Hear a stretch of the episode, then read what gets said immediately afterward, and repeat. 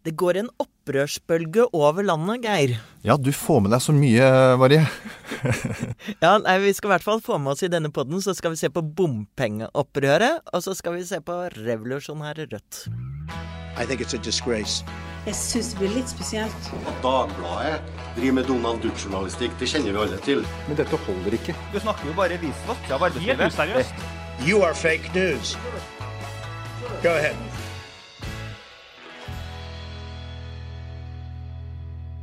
Nå skal vi til bompengenes vugge, faktisk. Eh, det hevdes i hvert fall at den første bomstasjonen i den vestlige verden ble åpnet i Bergen 2.1.1986 klokken ti. Siden har eh, minst 700 millioner eh, biler passert, og det er mange milliarder som har gått med der. Da er det kanskje ikke så rart at det er særlig Bergen bompengepartiet har tatt helt av i det siste. En måling viser at hver femte bergenser kunne tenke seg å stemme på dette ensakspartiet. Og det er, betyr at det faktisk er nest største partiet i Bergen. Det er jo helt virkelig uvirkelig. Uh, og vi skal snakke med en som har uh, om ikke står på barrikadene, så i hvert fall har kommet med kritikk av bompengekjøret. Og det er uh, professor ved Handelshøyskolen, Kristine Meyer, som tidligere er kjent som SSB-sjef. Hun har vært konkurransedirektør og byråd i Bergen ved flere anledninger, så her har opprøret mot bompengene virkelig nådd parnasset. Vi går til Bergen. Hei, Kristine Meyer. Hei, hei. Hvordan er været i Bergen? Altså, Det er det vi kaller for opplett. Eh, det vil si at det ikke regner. ja, det er, det er dere heldige. Det er det ikke her i Oslo. Ja. Men, men, disse bergenserne og bompengepartiet, er bergenserne blitt helt gærne, eller hva er dette fenomenet? Ja, altså, Fenomenet dette folkeaksjonen eh, Nei til bompenger startet jo i Stavanger i forbindelse med dette opprøret på Nord-Jæren. Eh, mm. men eh, det har jo virkelig tatt fart etter nye bompengestasjoner ble utstasjonert i Bergen. Og at et parti kan få rundt 20% i oppslutning er jo oppsiktsvekkende. Mm. Men er det ikke rimelig at uh, brukerne er med på å finansiere veiene? Hvorfor har dette plutselig snudd og tatt seg av? Ja, altså, jeg, jeg, tror det er flere ting som har skjedd uh, på samme tid. Uh, det ene som har skjedd, er jo at bompenger nå brukes til å også finansiere mye av eh, kollektiv- og sykkelveier. Eh, I Bergen dreier det seg jo veldig mye om Bybanen, som er dyr å bygge ut. Eh, og Det betyr at bor du også i omegnskommunene til Bergen nå, så må du være med på å betale det gildet som først og fremst kommer de i sentrum til gode. Så Det, det er noe av det, at vi bruker eh, betaling. Og Det andre er at vi prøver å nå mange mål på en og samme tid. Vi skal begrense trafikken inn til byene. Men samtidig så skal vi altså få mer inntekter til å bygge veier. Og dette går ikke helt sammen. Nei, og du kaller, sier at eh, bompengene er blitt en slags Sareptas krukke for uh, politikerne. Mm. Ja, og det, det, er jo blitt en måte å, å, å få denne storstilte både utbygging av veier, men også utbyggingen av kollektivtrafikken i byene. Eh, og det begynner å bli veldig dyrt. Du skrev i en kronikk i Dagens Næringsliv forleden at det er jo ikke nødvendig slik at bompengemotstanderne er mot å betale for seg. Men hva er alternativet til dagens system? Hvordan kan det bli mer rettferdig? Altså, jeg tror at det opprøret vi ser nå er at mange føler at det blir for mye. Eh, og Jeg gir et eksempel på en som sitter på mitt nabokontor som er oppe i 3000 kroner måneden, og som har fire barn. Og eh, Når han kjører disse barna til ulike aktiviteter, så, så, betyr det at det blir veldig dyrt for han å gjøre det. og at han da stiller seg spørsmål har jeg egentlig råd til å ta barna mine til disse aktivitetene. Og Det var vel ikke det akkurat vi tenkte at eh, dette skulle ramme. Så alternativene er jo å, mener jeg, å å tenke seg om. Eh, trenger vi eh, en bybane overalt i Bergen? Eh, trenger vi å bygge ut kollektivtrafikken? Er det bompengene som skal være med å finansiere det? Trenger vi alle de prosjektene vi har? Eh, og er det andre måter eventuelt å finansiere dette på, om vi vil ha det? Men det er jo politiske beslutninger, først og fremst. Det er det definitivt, og nå synes det som om eh, virkeligheten har sunket inn hos politikerne òg. Men dette opprøret virker jo på, som har kommet veldig overraskende på politikerne. Hvordan kan det ha gjort det? Ja, jeg synes det er veldig rart. Eh, men, men, det kan være at man ikke har følt på disse usynlige grensene at når er det det blir nok for bilistene. Vi har, vi har jo lenge hatt eh, Frp som et veldig sånn bompengeparti, og de har stått på barrikadene mot bompenger. I hvert fall helt til de kom i regjeringen. Eh, men, men det er et eller annet når, å, når dette begynner å bli fryktelig dyrt, og det virkelig svir, eh, og, og, det gjør at du får den type beslutninger at du lurer på om du skal ta barnet på, på aktiviteter, så, så, begynner det liksom å virkelig skjære inn i husholdningsbudsjettet. Og, og da begynner folk å, å, stemme med føttene. Og det er det vi ser. Og nå er riset bak speilet er at bompengepartiet kan komme inn på Stortinget. Det gleder du deg til? altså jeg, jeg, eh, håper jo at uh, de politiske myndighetene tar dette som et signal for velgerne at uh, nå er på en måte kanskje en grense nådd. Og at de også setter seg ned og revurderer alle de planene de har, både lokalt og sentralt. Og ser også på Eh, er det sånn at vi kan liksom ha alle disse målene inn i én eh, pott. Det er jo Stortinget som stiller krav om at det ikke skal bli økt trafikk til byene og, og slike ting. Og Det er jo helt sikkert et fint mål, men, men hvem skal på en måte være med på å betale for eh, alt dette? Det syns jeg er et eh, viktig spørsmål til det nå. Vi vil ha mer veier, ren luft, og vi vil ikke betale for det. jeg tror mange er villige til å betale for det, men, men bompengene nå så så vilkårlig ut. Eh, og det er vel det som er noe av problemet her. Da får vi se om politikerne hører på deg, en fornuftig stemme, og på Dagbladet, som jo også er en fornuftig stemme. Tusen takk til deg, Kristine Meyer. Tusen takk skal du ha. Har Kristine Meyer eh, rett, eh, Geir Amnefjell, politisk redaktør? Altså, har ikke politikerne tenkt nøye nok gjennom det systemet de har satt tredd nedover hodene på oss?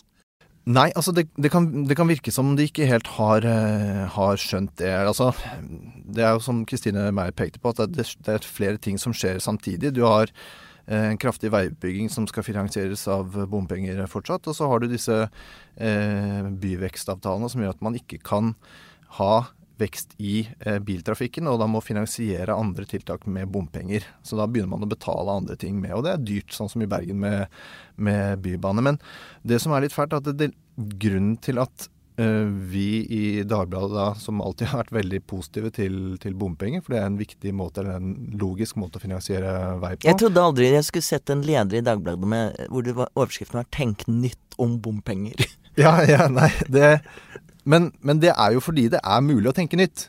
Eh, og det veit politikerne. Eh, og eh, det heter da veiprising. Eh, det er ikke så mange som vet hva det dreier seg om. Og det har vært en sånn teknologi som man har sett, eh, sett lenge som, som, løsningen på framtidige problemer med, eller framtidig finansiering av veiprosjekter og, og samferdsel i, i Norge. Eh, og som politikerne er veldig klar, eh, klar, over, men som det selvfølgelig tar lang tid eh, å bli enige om hvordan man skal Hva er fordelen med veiprising? Altså det, der kan man differensiere mer, man kan ta hensyn til uh, uh, ja, familier f.eks. Småbarnsfamilier, kanskje? Ja, altså veiprising har jo eh, mange fordeler, fordi det da, betyr at da kan du differensiere ut ifra hvor du kjører, hvilken mm. tid på døgnet du mm. kjører. Eh, du kan differensiere hva slags type kjøretøy du har, det kan du i dag selvfølgelig også. Men du vil ha en mye mer presis måte å eh, hva skal man si, eh, justere eh, veibruksavgiften. Ja, fordi noe av kritikken som gjør at kritikken oppfattes som mer legitim, er jo at eh, bompengeavgiftene har vært oppfattet som en koppskatt som rammer likt for alle, og dermed urettferdig. Ja, og ikke sant så har du i tillegg dette elementet med at da elbilene har sluppet det, og at elbilene i mange tilfeller har vært ganske dyre å kjøpe. Eh, sånn at da har det liksom blitt et ekstra urettferdig element med det. Men poenget med veiprising er at det er mye mer fleksibelt, det er mer, mer tilpasningsdyktig. Det kan til og med kanskje også ha en sånn eh, sosial dimensjon eh, ved det, som gjør at du eh, ikke rammer liksom flatt i eh, befolkningen. Og dette var veldig interessant. Altså Datatilsynet har har jo lenge vært skeptisk til dette, liksom, og mange har vært skeptiske til dette pga. overvåkning. og Det er et argument som mange har brukt. Men før regjeringsforhandlingene nå i vinter, så gikk Datatilsynet ut og sa det er greit med veiprising. Vi har funnet et system som gjør at dette er eh, tilrådelig. Dette kan vi gjøre uten at vi driver storstilt overvåkning av hele landets befolkning. Så det var egentlig en beskjed til regjeringen om at kom igjen, dette må dere nå Eh, sette i gang med. Og veiprising er jo, om ikke vanlig, så i hvert fall tatt i bruk i mange andre land. Ja, altså det tekniske systemet her vil vi nok være ganske uh, dette, Her kan vi gjøre pionerarbeid også, faktisk. Uh, så det er også et poeng. Men vi, Norge er jo et høyteknologisk land. Vi ligger langt framme med digitale løsninger. Og dette er et eksempel på at her kan vi virkelig liksom uh, slå mange fluer i ett smekk. Eh, som Kristin Meier Meyer også var inne på, så er jo dette en skikkelig politisk nøtt. Eh, jeg måtte le litt da jeg gikk tilbake i arkivene og så at Kete Solvik-Olsen for et år siden fnyste av bompengepartiet og sa at det var, kalte det en døgnflue. Det har det vel Der tok han feil. Der tok han grundig, grundig feil. Men det er særlig Frp som kanskje rammes av dette her. Det er jo det, eh, fordi Frp har jo hatt det som en av sine viktigste saker, at de skal fjerne bompengene. Eh, men etter at de har kommet i regjering, så har de jo ikke lykkes med det. De sier hele tiden at de har lykkes med å redusere bompengeandelen i finansieringen fra 40 til 28 eller noe sånt prosent. Eh, men de har jo skrudd opp veibygginga noe så voldsomt også. Så de, reelle, de rene tallene har blitt større, så folk betaler jo mer bompenger nå enn det de gjorde da Frp kom i regjering. Og det har ramma dem veldig hardt. Eh, så på landsmøtet nå i, eh, til Frp sist helg, så, så, kom det jo et eh, benkeforslag fra, fra Carl I. Hagen om at man skal bruke 100 milliarder oljekroner på å slette all eh, slette all eh, bompengegjeld eh, som er planlagt og som er, eh, eksisterer nå. Der er Carl Is eh, Sareptas-krukke. Olje, oljefondet. Og det, og det, ble jo et skikkelig drama på, på, landsmøtet, for det Siv Jensen hun likte jo ikke det i det hele tatt. Så hun satt jo og så ned i mobilen når hele resten av landsmøtet klappa. Og hun fikk da Og nye nestlederen Silvi måtte også sitte helt stille? Hun måtte også sitte helt stille. og, og Eh, andre nestleder, Terje Søviknes, han satt og liksom, så litt sånn nervøst og smilte rundt seg, mens han også ble da sittende, eh, av respekt for Siv Jensen. Men eh, det er jo noe i at vi har jo fått Nasjonal transportplan, som er jo så enorm at uh, uh, vår gamle statsministers samfunnsøkonom Stoltenberg ble, ble, blek og sa at dette er jo ikke samfunnsøkonomisk lønnsomt, mange av disse prosjektene. Må vi kanskje redusere litt, at vi har vært for uh, rause og grådige?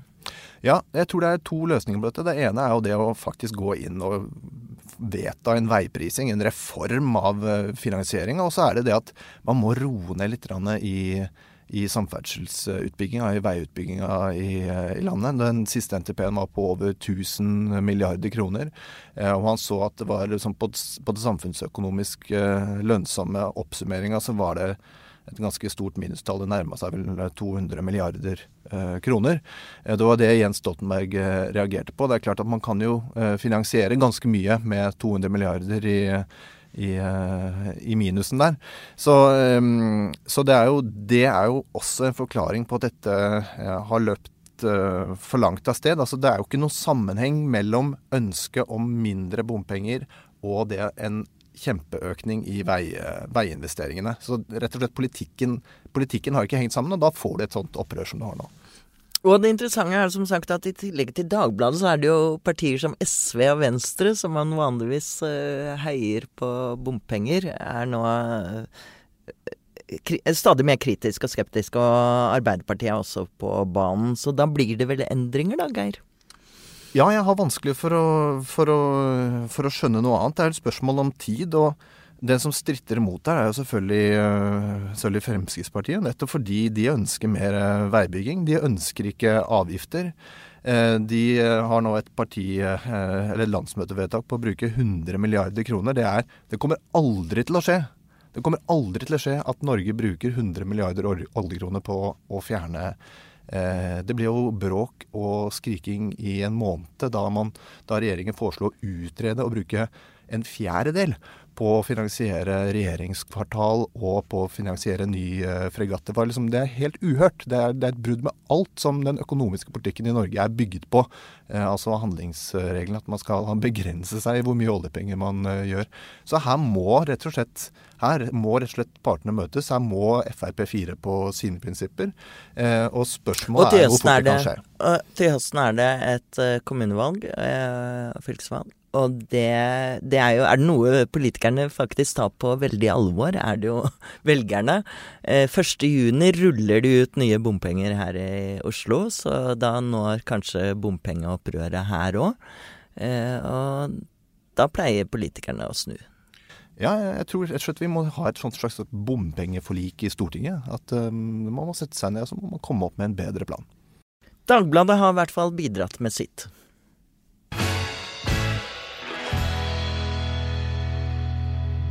Som sagt, revolusjonen har kommet til landet. Eh, et annet lite parti, får vi vel nesten si, som gjør det uvanlig sterkt eh, og har gjort det i flere år, det er Rødt som har landsmøte denne helgen. Og der skal du, Martine Aurdal. Det skal jeg. Ja, Men hva er det som gjør at Rødt plutselig seiler, stormer frem på denne måten? Altså, de har jo har jo forsøkt seg i så mange år med ulike ledere og alt mulig sånn, og nå er de plutselig inne på Stortinget, og de bare fortsetter å vokse, og medlemmene strømmer til.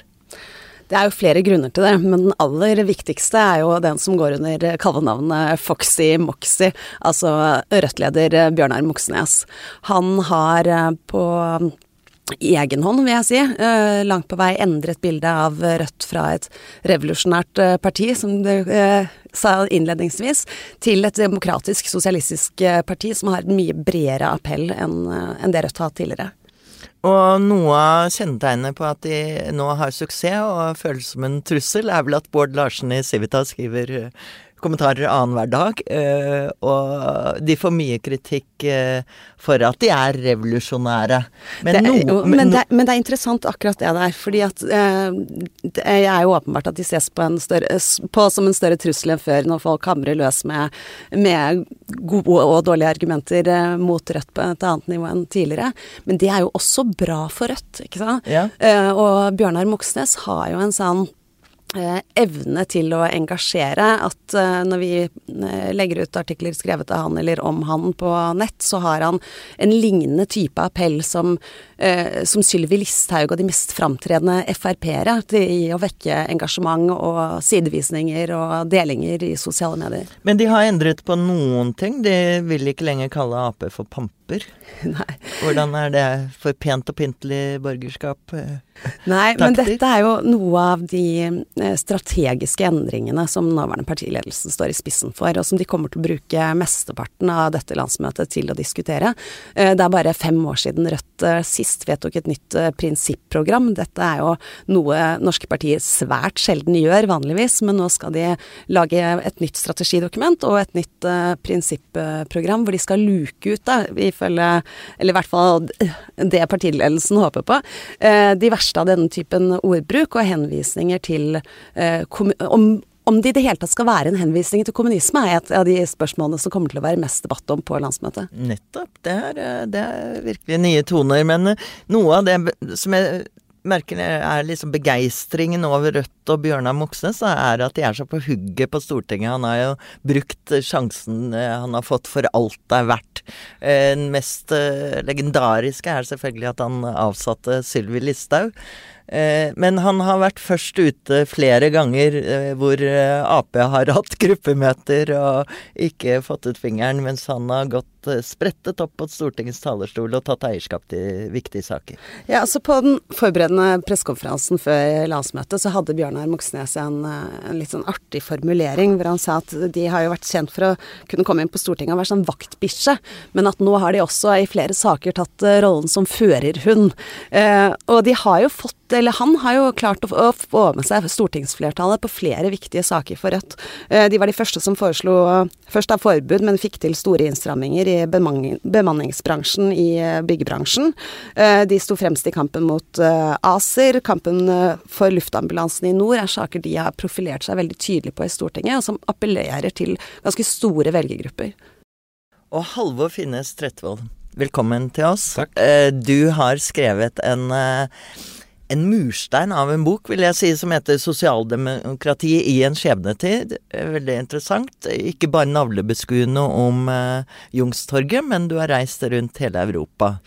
Jeg prøvde på det. Jeg reiste til uh, seks land i uh, Europa fordi uh, det slo meg her i etterkant av valget i Norge at sosialdemokratiet mange steder hadde problemer samtidig. Og, og, og, og, jeg ville prøve å finne ut av om det kunne være noen sammenhenger. Så er det jo selvfølgelig store forskjeller mellom land, og de har sin politiske historie og kultur og system, og, det påvirker den politiske dynamikken. men i tillegg så finnes det også noen fellestrekk, da, tror jeg. Når du hørte på Martine her, så var jo mange av de sakene som de, hun ramset opp nå, er jo liksom eh, områder hvor du venter at Arbeiderpartiet skal være fremst og på barrikadene. Har de er det fordi de har gitt litt, uh, firt litt på disse sakene, eller er det bare Rødt som har tatt dem? Altså, jeg syns det var interessant du sa Martine, om at det er Foxy Moxy som er forklaringen på, på, hvorfor det går bra for Rødt. Men det kan jo også tenkes at det er Eh, noen endringer i eh, debattklimaet, i måten vi diskuterer politikk på, i den eh, samfunnsutviklingen, som påvirker dette også. Og, Selvfølgelig. Ikke sant? En av de tingene jeg har sett i, på tvers av Europa, um, så jeg bare skyndte meg å si før jeg begynner at uh, dette er litt mildere i Norge. Men i, på tvers av Europa så tyder det på at det er, finnes en sånn boblende politisk energi som leter etter et utløp. Uh, og at det ikke lenger finner det utløpet gjennom sosialdemokrati, sosialdemokratiet, rett og slett. Uh, og da, uh, interessant nok, da i Norge, for å ta det eksempelet, så har jo Frp på en måte tidligere vært et slags sånn kanal for noe sånn sinne som kommer fra bunnen, på en måte. Uh, og så har de vært i regjering i, uh, i uh, årevis. Um, og, ser, ja, og ser nå ut til å føle på den regjeringsslitasjen på meningsmålingene. Ja, for det påfallende er jo at SV og MDG også går frem. Ikke sant? Ikke sant? Men, men, du ser også at du har bompengepartiene. Mm. Du har bygdegeriljaen. bunadsgeriljaen, ja. som nå har dukket opp.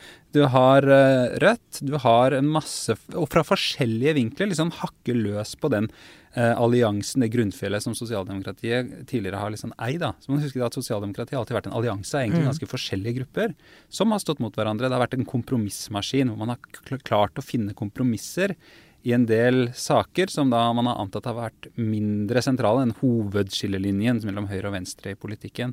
Så ser det ut som at det å lande på kompromisser i disse sakene ikke alltid er nok lenger.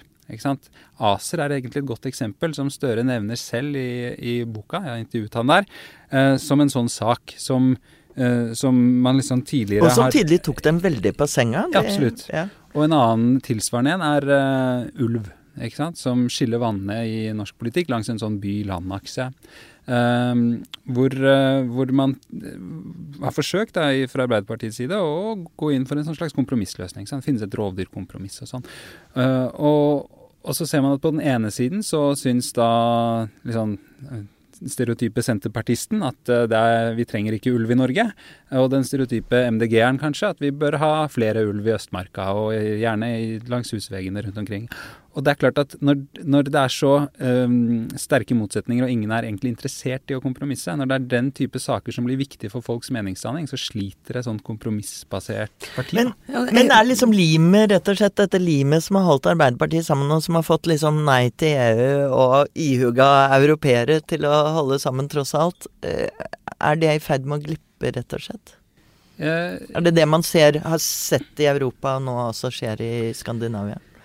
Altså, Foreløpig så går det jo ikke så ille i Skandinavia som mange andre steder, men det, jeg tror ikke man er immun mot noen av de samme prosessene. Og det er særlig denne dynamikken som går på at nye saker virker polariserende, og så polariserende at man ikke klarer å bygge en bro over de motsetningene.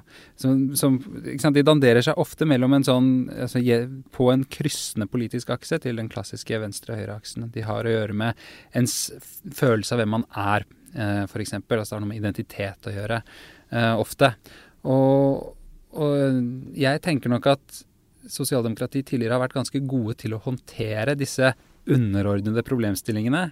Og klare å hva skal man si, føye ulike former for uh, uh, identiteter inn under de brede vingene sine. Eh, og så har man kanskje glemt litt å gjøre den jobben som det kreves da, å få til dette på nytt og på nytt i nye tider. Men egentlig så er det også en revitalisering av den andre av de eldste eh, politiske aksene, altså den geografiske skillelinjen som blomstrer opp for fullt både i internasjonalt eh, og i Norge i akkurat disse sakene som du nevnte her.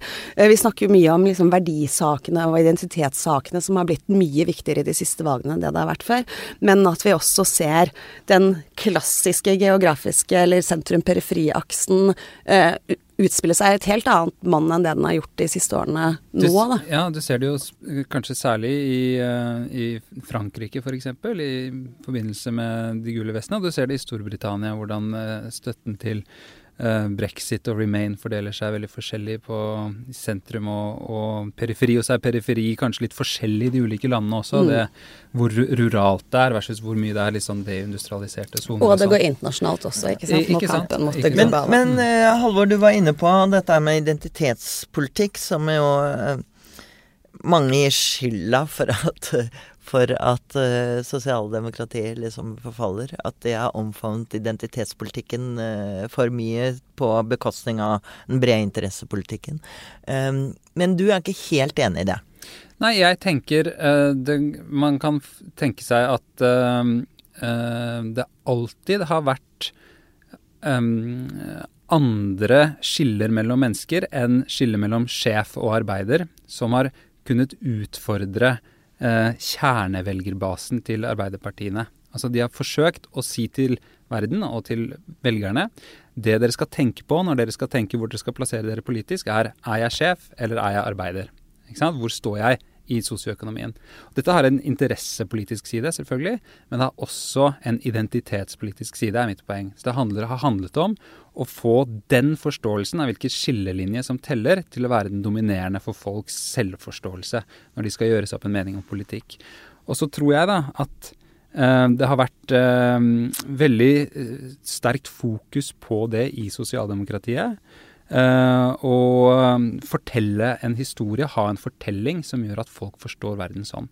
Og så når tidene endrer seg, og vi får liksom overgangen først fra industrisamfunnet til kunnskapssamfunnet, kommunikasjonssamfunnet, servicesamfunnet, alle disse utviklingstrekkene som har eh, kommet, eh, så har sosialdemokratiet historisk vært ganske gode på å eh, justere fortellingen sin. De har klart disse overgangene før. Sosialdemokratiet har alltid klart å fornye seg oppimot eh, i, forhold, altså i, i møte med samfunnsendringer. Så ser det litt ut for meg som at mange av de sosialdemokratiske partiene har glemt den jobben det er de siste årene. Og ikke og lenger seg har fordi at du snakker om at, du snakker om at Jonas Gahr Støre kanskje er fornøyd med å bare pusse litt på gesimsen, og ikke føye til nye etasjer og fløyer. Ja, men det handler jo ikke bare om at Arbeiderpartiet gjør en dårlig jobb. ikke sant? De øh, endringene i hvilke saker som er viktige for velgerne, det er jo øh, endringer som gagner de mindre partiene. Det gagner fløypartiene, og det uh, gagner uh, også de, de, partiene som er mer opptatt av én bestemt sak, enten det er en sentrum-periferisak som Senterpartiet, eller det er en verdisak som MDG. Og, med, og, noe av det vi ser med utslaget på Rødt, som jo har fått veldig mange nye medlemmer, ikke bare velgere, de siste par årene. De har akkurat gjort en medlemsundersøkelse blant de nye velgerne. Så ser de jo at de har fått et mye bredere bredere utvalg enn en tidligere, med større geografisk spredning, større sosioøkonomiske eh, forskjeller blant eh, medlemmene i medlemsmassen. Men det er også en markant eh, økning i de som kommer fra Arbeiderpartiet til mm. Rødt. Og det skyldes jo mm. bl.a. de tingene vi har snakket om nå. Og dette var jo noe i 2000, altså forrige stortingsvalg, så er det jo mange som vil påstå at noe av problemet til Arbeiderpartiet startet med at de ikke ville samarbeide med Rødt, sa at de heller ville samarbeide med Venstre og KrF. Ja, det kan mm. vi diskutere, men, men eh, noe interessant var eh, at Jonas ble spurt på eh, Politisk kvarters 60-årsjubileum, så ble han spurt eh, hvem står du nærmere eh, ideologisk, eh, Bjørnar Moxnes eller Erna Solberg? Det var selvfølgelig et finurlig spørsmål, eh, hvorpå han svarte etter å ha tenkt seg litt om, for han skjønte nok at det var kontroversielt, så svarte han Erna Solberg. Mm. Eh, det interessante med det er at, eh, å forstå hvorfor det er kontroversielt. ikke sant? For, eh, for Jonas Gahr Støre å ta stilling til et sånt spørsmål, så man, kan man tenke seg okay, hva er sosialdemokratiets sånn grunnleggende eh, prosjekt, da? Og det er jo å skape et kvalitativt annerledes samfunn. Liksom, å komme til et bedre framtid, men via demokratiske virkemidler. Hvis man går langt tilbake i historien, så var det jo sånn at sosialdemokratiet fikk overtaket blant arbeide, arbeiderne fordi man klarte å oppnå faktiske framskritt eh, fra år til år ikke um, måtte vente på revolusjonen for liksom å komme ut av motsetningene som den kapitalismen førte med seg, og all nøden og, og utbyttingen og sånn. Og så har jo da sosialdemokratiet um, kanskje steg for steg sånn, tatt mer og mer av reformismen inni seg, og blitt et stadig mer reformistisk parti, helt til man på et eller annet tidspunkt da begynte å reformere det reformerte samfunnet, om du vil, eh, i, eh, i, kjølvannet av den New Labour-vendingen og sånn på 90-tallet. Um, og det er klart at for Støre så må han på en måte um, balansere mellom å holde opp en visjon om at man skal til et annet sted. Man har en, i hvert fall en retning uh, om en vei man vil. Og konkrete reformskritt vil, bør man jo da kanskje ha for å vise at man skal nærme seg denne visjonen eller dette ønsket om en, eh, noe annet. Og så Samtidig så skal man jo gjøre det på en måte som helt klart er på den demokratiske siden her. Uh, og da tenker jo kanskje jeg at jeg forstår hvorfor han faller ned på den siden han har gjort i akkurat det spørsmålet som du henviser til. Mm. Samtidig, vil, uh... samtidig, bare si at jeg syns det er uh, slående også at det ofte savnes et sånt tydelig, en tydelighet på hva målet er, eller hva retningen er. Og, mm. og så mangler kanskje noen klarere og um, tydeligere reformsteg for å komme dit, da. Det er ikke proble største problemet til Arbeiderpartiet kanskje at Jonas Gahr Støre ikke når først opp på talerstolen til Stortinget. Det er heller et symptom, mm. eh, kanskje vil vi si da. Eh, men eh, dette blir eh, veldig spennende fordi at vi har et kommunalvalg til høsten. Og da kan det jo se ut som om eh, Arbeiderpartiet i hvert fall vil måtte samarbeide tett med Rødt mange steder for å beholde makta. Takk til deg, Halvor Finnes eh, Tretvold. Og hvis du vil eh, vite mer, så heter altså boken 'Sosialdemokrati i en skjebnetid'.